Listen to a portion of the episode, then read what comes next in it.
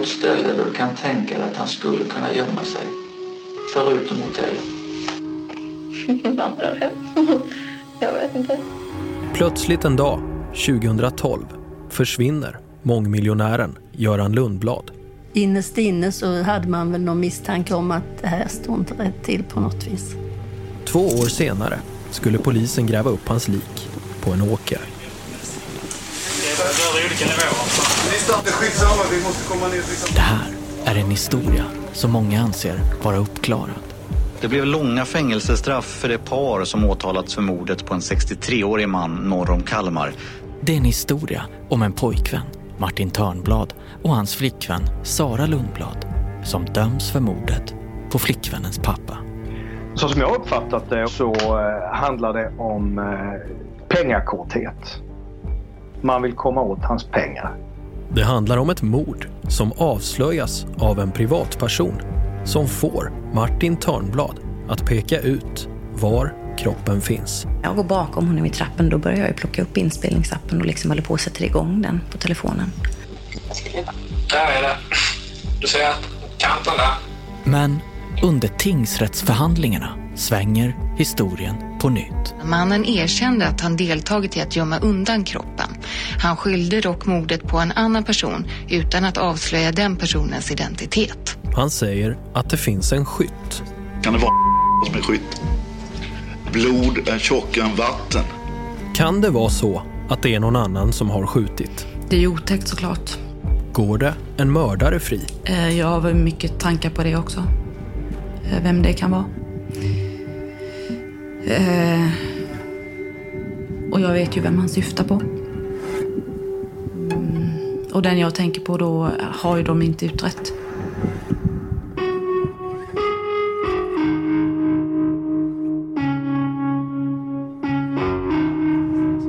Du lyssnar på Spår med Martin Jonsson och Anton Berg. om miljonärsmordet i norra Förlösa. Det var ju så att eh, den här mannen eh, som försvann, han efterlystes ju. Kalmar, september 2017. Det är fem år sedan Göran Lundblad försvann. Och vi plockar upp Sigrid Etzenius, en journalist anställd av Sveriges Radio som kom att följa fallet och senare också göra en egen dokumentär om vad som hänt. Vi efterlyste honom eh, på radion. Jag jobbar ju på P4 i Kalmar. Och där var det som en liten så här liten nyhet att han var försvunnen och att man, man sökte efter eh, honom på olika ställen och sådär. Och, och det var skallgång då och så.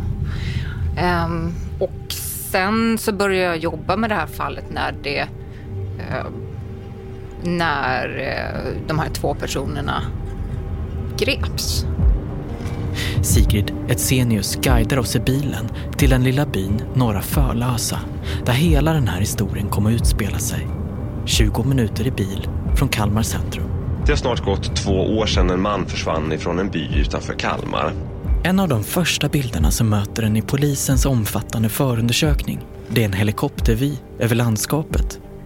Ni som lyssnar med Acasts app kan se var vi är på väg. Och sen förra veckan så sitter ett par i 25-årsåldern häktade misstänkta för mord på honom. De två unga som grips är Martin Törnblad, 21 år gammal, och Sara Lundblad, 24 år gammal. De kommer från varsin gård i den lilla byn. Man hade hört lite grann om det sådär att eh, ehm, det var någonting som var konstigt runt det där men det var liksom ingenting som eh, vi jobbade särskilt mycket med förrän det blev ett misstänkt mord.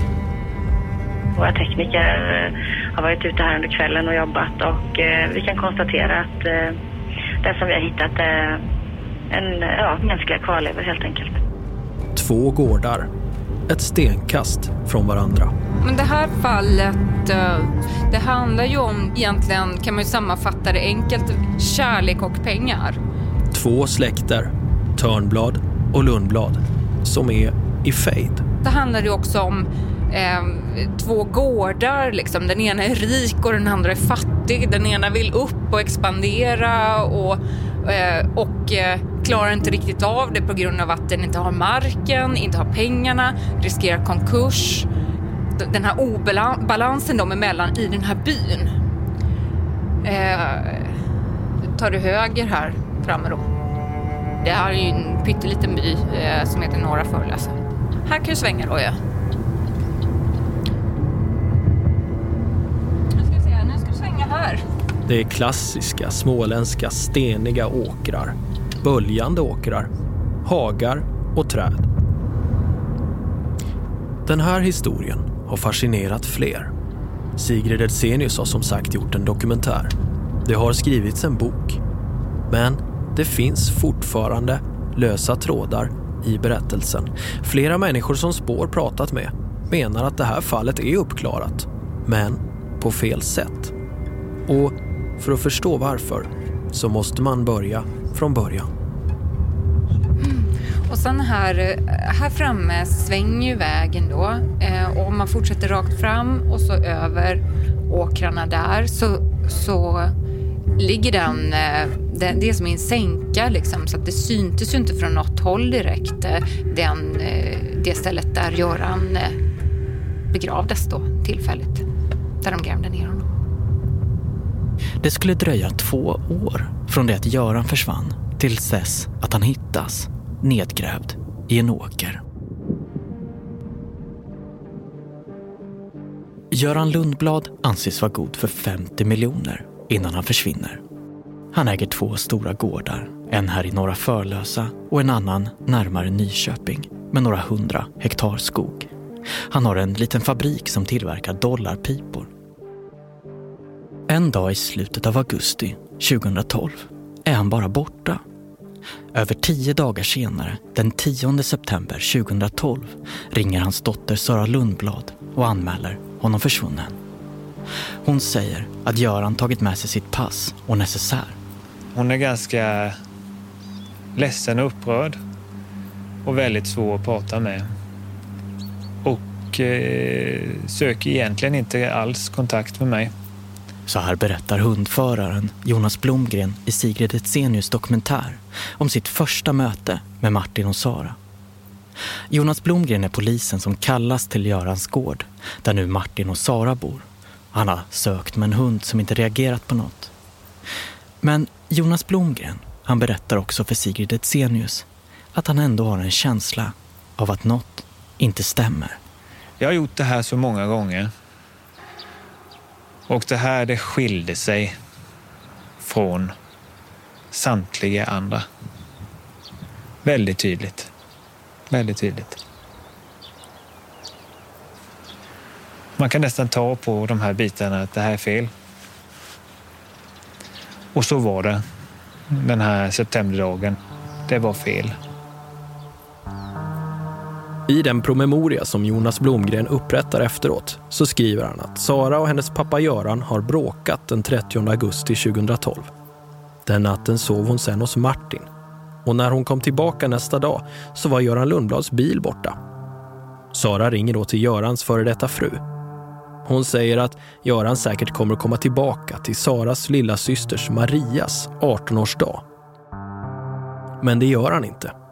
Och veckorna går. Göran Lundblads konton förblir orörda. Det finns inga noteringar hos taxibolag. SJ meddelar att han inte har åkt tåg. Inte heller några spår finns på flygplatserna. Den 23 oktober 2012, sex veckor senare alltså, så ringer det i telefonen hos polisen i Nyköping. Det är Saras lilla syster Maria. Hon vill att polisen i Nyköping nu utreder Görans försvinnande. De i Kalmar gör inte tillräckligt, tycker hon. Några veckor senare, den 22 november, så sitter Sara och Martin samma dag hos polisen. Det är förhör med eh, Sara Lundblad och det är 2012 11.22. Klockan är 10, eh, nej, jo 10 och 24. Polisen försöker förstå vad som har hänt. I det här läget har man inte mycket att gå på annat än Jonas Blomgrens ursprungliga magkänsla och det där telefonsamtalet från Saras lilla syster Maria. Ja, Sara. Du sa att din pappa har försvunnit efter att ni hade bråkat. Vad bråkade ni om? Mm, vi bråkade om jag skulle kunna tänka mig att ta över ansvaret för gården och så där, så att han kunde liksom falla tillbaka och ta det lugnt. Mm. Och då var vi ju arga på varandra efter det. För att han tyckte väl att jag tyckte att han var gammal gubbe ungefär. Ja. I ett annat rum sitter hennes pojkvän, Då rullar bandet där Martin. Martin Törnblad. Klockan är 10 och 11 när förhöret påbörjas. Han får ungefär samma frågor. Ja, men de eh, hade väl bakat där på kvällen. Vilken?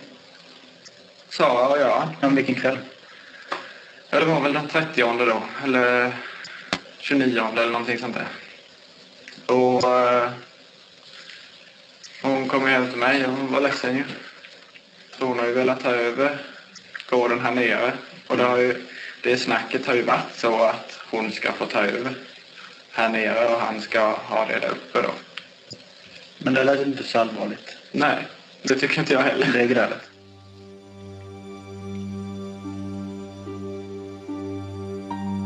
Familjen Lundblads lantbruk som nu Sara vill ta över har funnits i släkten sedan början av 1900-talet och de har ägt mark i norra Förlösa sedan 50-talet.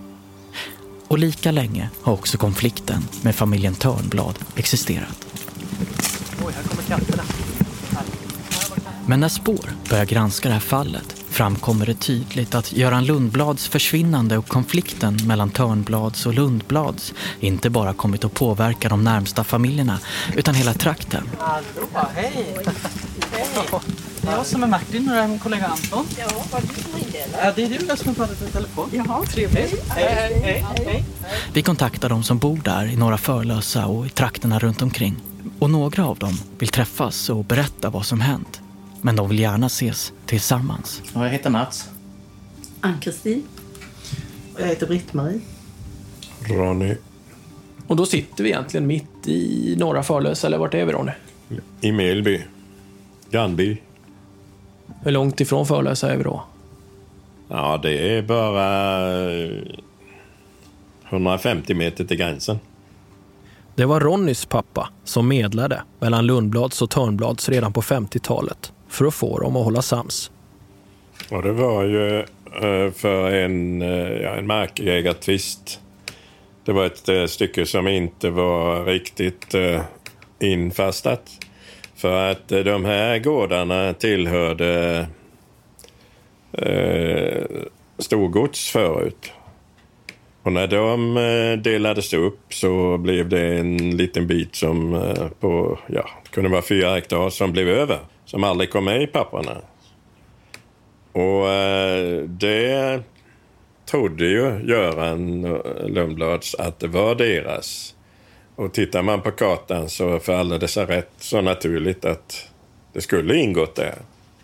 Men eh, det gjorde det ju inte och då var ju Törnblads bredvid. Så att eh, då gjorde han ju anspråk på det. Och då blev det ju en tvist däremellan, men den gjordes ju upp i, i godo i stort sett. Eftersom tvisten är så gammal och så infekterad finns det naturligtvis olika versioner av hur det har gått till. Men enligt Ronny så är det så här. De två familjerna delade till slut upp marken för att slippa rättegångskostnader. Men problemet var att Lundbladarna tidigare, innan uppgörelsen, lovat bort marken till Törnbladarna som tack för att de sköt om skog. Men det löftet har aldrig infriats. Och det där har nog... Eh, ja, det har nog aldrig gått ur riktigt. Det här fallet är väl hundra nyanser av grått. Det här är Joakim Palmqvist, journalist vid Sydsvenska Dagbladet. Han har också skrivit en bok om mordet på Göran Lundblad. Här är ju mark är det betydelsefullaste man har. Det är det som kan rädda dig ur fattigdomen och svälten så som den drabbade stora delar av Sverige på 1800-talet till exempel. Den idén och de tankarna upplever jag var väldigt levande i släkten Lundblad hos Görans pappa och Görans farfar. De som, som grundlade och utvecklade förmögenheten den stora förmögenheten. Det var viktigt att äga, det var viktigt att, att, att spara pengar så att säga. Och då kan en, en markbit på eh, inte många hundra kvadratmeter eh, leda till att eh, en konflikt sätter sig för, för, ja, för generationer framåt. Släkterna Lundblad och Törnblad, de tittar snett på varandra och framför allt tycker inte Göran Lundblad om eh, Törnbladarna. Göran Lundblad har en massa pengar. Eh, det har inte Törnbladarna. Han är rädd om pengarna. Och när då Sara blir kär i Martin och blir ihop med honom så reagerar såklart Göran på detta. När Sara Lundblad och Martin Törnblad kallas in till förhör har de varit ett par i tre år. Det var jag som eh, kontaktade henne. Så, Hur? eh, jag frågade Göran om hennes telefonnummer. Fick du? Ja, det var inga problem. Så då. Men jag hann inte ta kontakt eh, med Sara först. Det gjorde han. Han var ju ganska sur då på henne för att bara, vad fan, jag ska med hennes nummer till. Och så här. Umgås du med han? Då tyckte han inte om mig. För ja, något gammalt tillbaka i tiden. För att jag heter Törnblad efternamn ungefär. Och eh, ja, så han accepterade inte att jag och Sara var tillsammans från början. I det andra rummet hos polisen ställs samma frågor till Sara. Men hon menar att det nu börjat bli bättre mellan Göran och Martin. Hur tänker ni i framtiden, du och, och Martin? Vi ska väl gifta oss, typ skaffa barn och flytta ihop och sådär, precis som normala människor gör. Ja. Vi vet ju också Görans inställning till det här förhållandet med Martin. Tycker bara att pappa var lite så här löjlig eftersom han har liksom sagt massa saker så här. Typ vi inte hör ihop och Martin är, ja, han är inte värd mig ungefär. Nej. Som andra föräldrar mer eller mindre säger. Mm. Eh, men, ja, nu den senaste tiden var det väldigt så här, ni gör som ni vill ungefär. Och han har väl typ bara börjat liksom erkänna att vi gör det vi är tillsammans liksom. Ja. Så det har känts jättebra. Liksom. Vi har inte tänkt på någon sammanslagning med Martins gård? Din. Inte just nu som framtiden ser ut. Nej. Men det blir kanske eventuellt våra barn i sådana fall. Mm. Men just nu är- när det är så här spänt läge och sådär Mm. så vill vi gärna dela på det liksom. I förundersökningen, som sträcker sig på över 2000 sidor, kan man läsa att Martin redan två år innan Göran försvann gått och pratat med boende i Norra Förlösa om att framtiden är säkrad för Törnbladarna för att de kommer ta över Görans gård nu när han är ihop med Sara. Det var ett rykte som också verkar ha nått Göran, som inte är glad åt deras relation. Barn? Ja, då har vi funderat på telefon. Det var han absolut emot. Den? Ja. För det sa han ju till Sara att eh, om ni ska få ungar ihop då kommer jag aldrig mer prata med er två, typ sa han.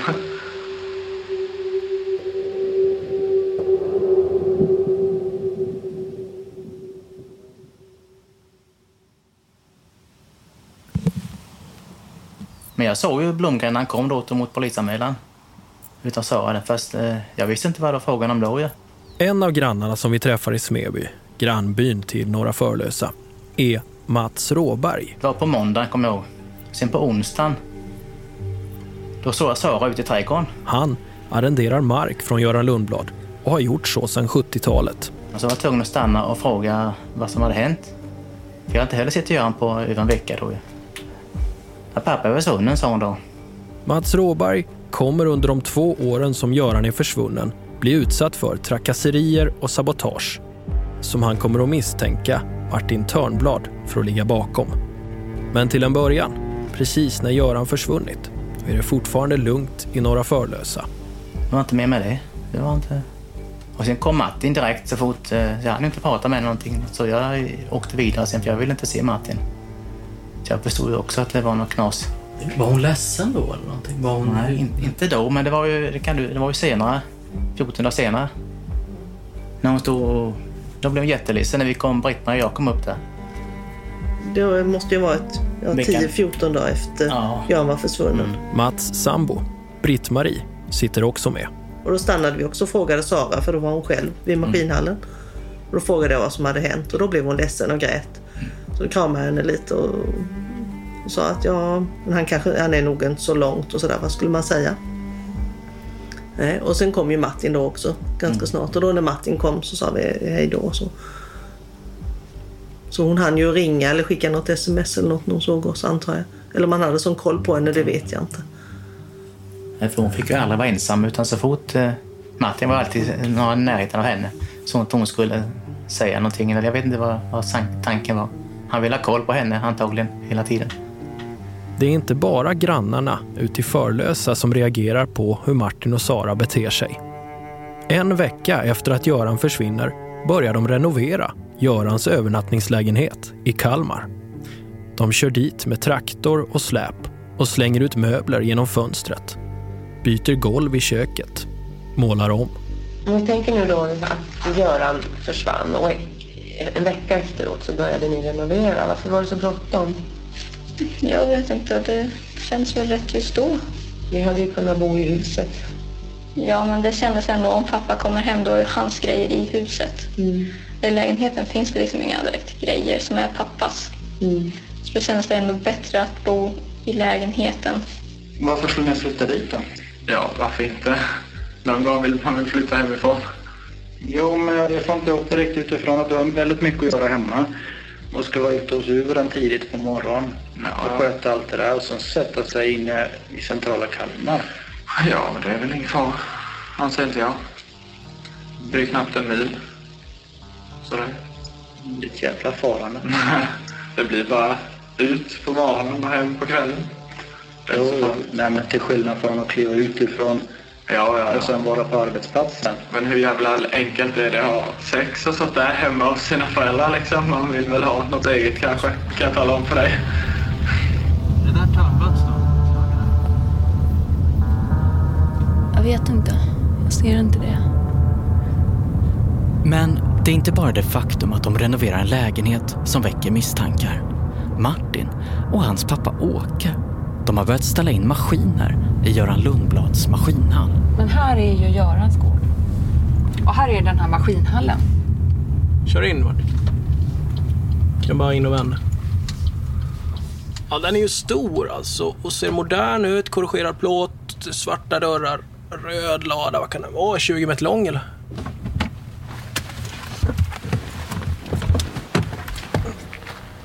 Den stora röda maskinhallen ligger nedanför boningshuset på Ställegården. Ett anspråkslöst tvåvåningshus med källarplan högst upp på en liten kulle. Där bodde Göran Lundblad medan han fortfarande levde. Innan då man visste vad som hade hänt med Göran, han var ju då bara försvunnen. Då hade ju eh, Törnblad st- ställt in sina maskiner här.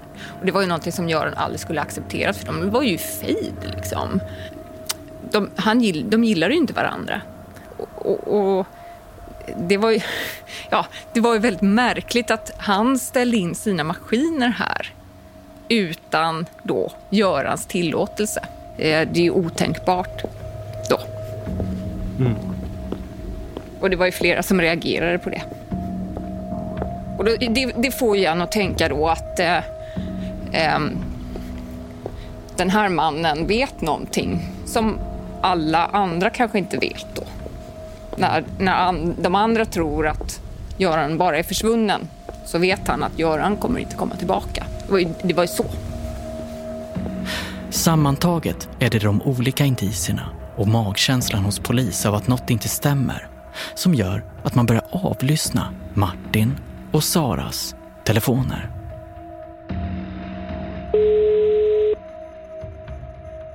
Ja, Hej! hej. Jag skulle bara påminna dig att ta plastmassa i den där ugnen så vi har jobb sen hela veckan, du vet. Ja. Ja. Du duktig du. Ja, ja du och jag, vet du. Du och jag, Gibson. Vi hjälps alltid åt. Ja. Till Görans vänner så säger Sara att Göran bara försvunnit. Vad i herrans namn är det som har hänt? Ja, det undrar vi också.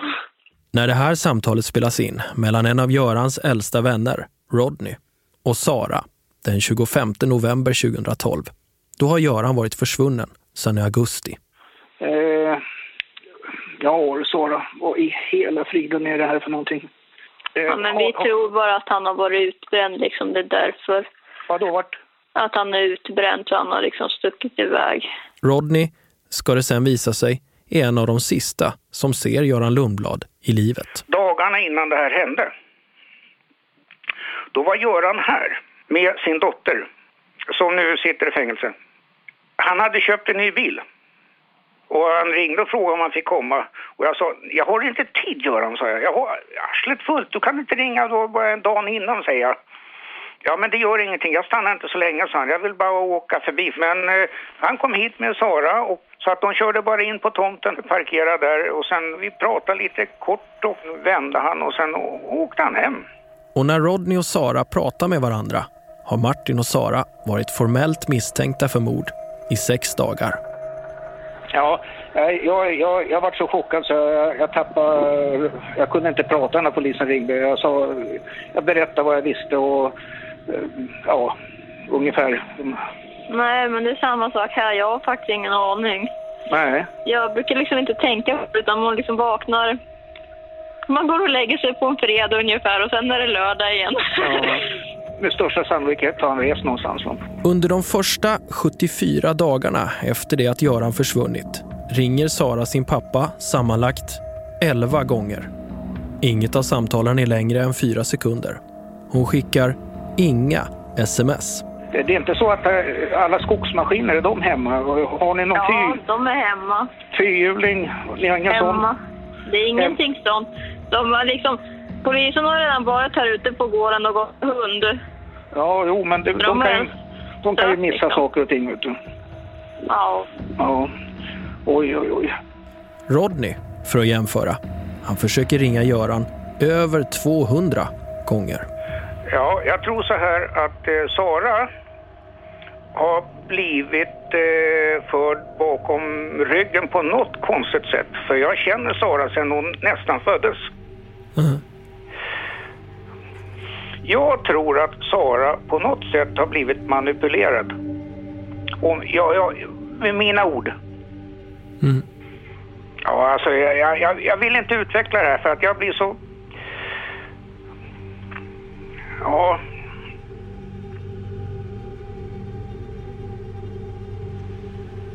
Och i Göran Lundblads frånvaro så förändras hela dynamiken i Norra Förlösa. Det var i oktober, oktober, oktober november. Mats Råberg han menar att det börjar den där gången när Martin och hans pappa Åke ställer in sina maskiner i Görans maskinhall. Då satte de in Åkes nyköpta Görans maskiner och det visste jag ju från början att eh, den dagen Göran kommer tillbaka då åker de ut direkt för det, det hade Göran aldrig tillåtit ju. Så jag tyckte inte om det men eh, jag kunde inte göra någonting nu. För de tog över det ena efter det andra ju. Tyckte det var obehagligt ska jag säga det, så jag ville inte gå i närheten av Martin egentligen för han var så otrevlig och hotfull så att eh, Och sen efter det börjar också trakasserierna som kommer pågå under två år. Sommaren 13. Mm, vad fan- Då var, ja, hela, hela sommaren och hösten var rent bedrövligt. Han, först och start snodde han en axel till en maskin så det inte gick att köra med den. Och sen eh, klippte han av eltrådarna på några gånger ställen så att eh, djuren gick ut. Sen eh, mitt i trösket då körde han sönder, han stack hål på däcken på tröskan. Någon släpper också ut flera ton foder till Mats Råbergs kalvar som riskerar att äta ihjäl sig. Och 700 kilo gödning skärs sönder till ett sammanlagt värde av 100 000 kronor. Hur visste du att det var Martin? Ja, men det var rätt självklart. Det är så som han betedde sig. Och vi såg honom ju ibland. Och en grej till kom jag på nu. Jag såg honom en söndag eftermiddag när jag gick förbi hemma. Jag gick från Åkes och upp till sitt ställgården där. Då gick, och jag stod och kikade i mjölkrummet. Jag såg att han gick gatan. Nu ska jag kolla lite tänkte jag se vart han tar vägen. Och han gick fram till sin vägkorsning. Jag såg honom där han tog vägen sen. Han stod en stund där nere. Och sen gick han upp på ställgården sen. Sen på måndagen när vi skulle hämta tidningen. Det var ju tidning, men eh, sen var det ju halv med kattskit också och kattsand i botten på lådan. För jag såg att han gick så, så att, eh, jag såg när jag gick hem, han hade en kasse under jackan. Gick så här. Så att... Eh, men en sån jävla oro som vi kände där då för... Man visste ju inte vad som skulle hända när man vaknade sen dagen efter.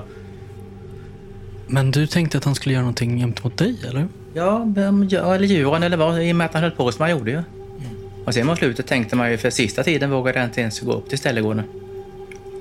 Det var, det var riktigt otrevligt. Han hade ju stenkoll på allting. För jag vet en gång så var jag och hjälpte en granne, han hade kört fast uppe i Sporrsjö. Och när jag stod där och fått loss honom lagom, då kom väl Martin med bilen. Jag vet inte hur han kunde veta att jag var där. Och sen gick det väl en timme, sen körde jag åt, i andra änden bortåt Läckerbyhållet till. Tio minuter efter jag kom dit, ja, då körde Martin förbi där. Och det var ju fasen mer än en halv mil emellan. Så han jobbade ju inte mycket hemma till sista tiden. Han får ju bara koll på mig. Hela tiden. Eh, Mats körde gödning och då tar den kanske 12 meter brett, jag vet inte exakt. Och då körde han neråt på åken från vägen och sen körde han tillbaka, vände ner och körde tillbaka mot vägen. Och då stod Martin där med bil och så körde han neråt mot skogen igen och upp mot vägen. Och då hade Martin flyttat fram de här 10-15 metrarna. Och så höll han på till Mats skulle köra hem. Han var färdig med det han gjorde. Jag tog en sväng. Hur lång tid tog en sväng fram och tillbaka? Nej, det tar inte så lång stund. Det, nej, för man kör ju åtta, Fem tio, minuter. Ja, fem minuter. Så fem minuter, två och en halv minut, två och en halv Mm. minut. Ja. Och då har du flyttat fem minuter och då har han flyttat ja, in. flyttade han också, men... Med bil flyttade han fram bilen 12 Mm. meter, sen stod han still där. Men, men Mats, vad, vad tänker du då? Och sen, det kändes ju jävligt obehagligt. För vi var ju rädda att han skulle köra på oss eller någonting. Eller slå oss eller ja, jag vet inte vad han kunde tänka sig att göra med. Men eh, så vi var så iakttagna hela tiden. Vi ville ha eh, personskydd eller så ju. Och då sa ju polisen att nej, men det kunde vi inte få för det var inte tillräckligt allvarligt trodde de och sådär. Men de sa ju också att vi fick inte gå ut själva i lagon. eh, Så. Eh, I varje fall inte på kvällarna och sådär. Mats fick inte åka själv till ställegården så det blev ju så att jag skulle passa honom. Och när jag jobbade kväll på lasarettet, för jag jobbade där också, då fick ju Ronny och Ann-Kristin sitta här i köket och hålla koll på Mats och så såg de att Martin kom med bil eller så och så fick de ju ringa till Mats och kolla så allt var okej och så. Men du, varför, var de, varför gjorde de så här mot dig för? Det var ju marken han var ute efter. För jag arrenderade marken utav Göran ju. Så det begrep ju med en gång att det kommer bli ett helvete i, nu. Men det märktes ju, det blev värre och värre hela tiden. Varför ville de ha din mark? Ja, för de behövde det, för det låg inte i deras precis. Så de sa, nu har ni fått bort Göran, så nu är det fritt fram, tänkte de.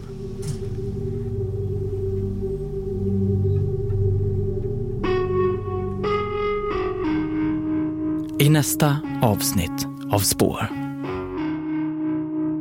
Jag trodde aldrig att jag skulle få höra en sån här sak. Fallet med den försvunne Göran Lundblad kommer att utveckla sig till något som i det närmaste är unikt i svensk kriminalhistoria. Det som är så märkligt med det här fallet? Vi hör Leif GW Persson i programmet GVs mord TV4. Det är ju att det är en privatperson som klarar upp det. Genom väl något, något som väl kan beskrivas som egna spaningar. Det är mycket ovanligt. Spår görs av produktionsbolaget A1 Produktion i samarbete med Acast. Exekutiv producent är Carl Rosander. Researcher Nina Silventoinen, projektledare Vianja Lall och musiken görs av Underton. Ljudtekniker är Jonas Sjöberg. Följ oss gärna på sociala medier under hashtag Sparpodcast.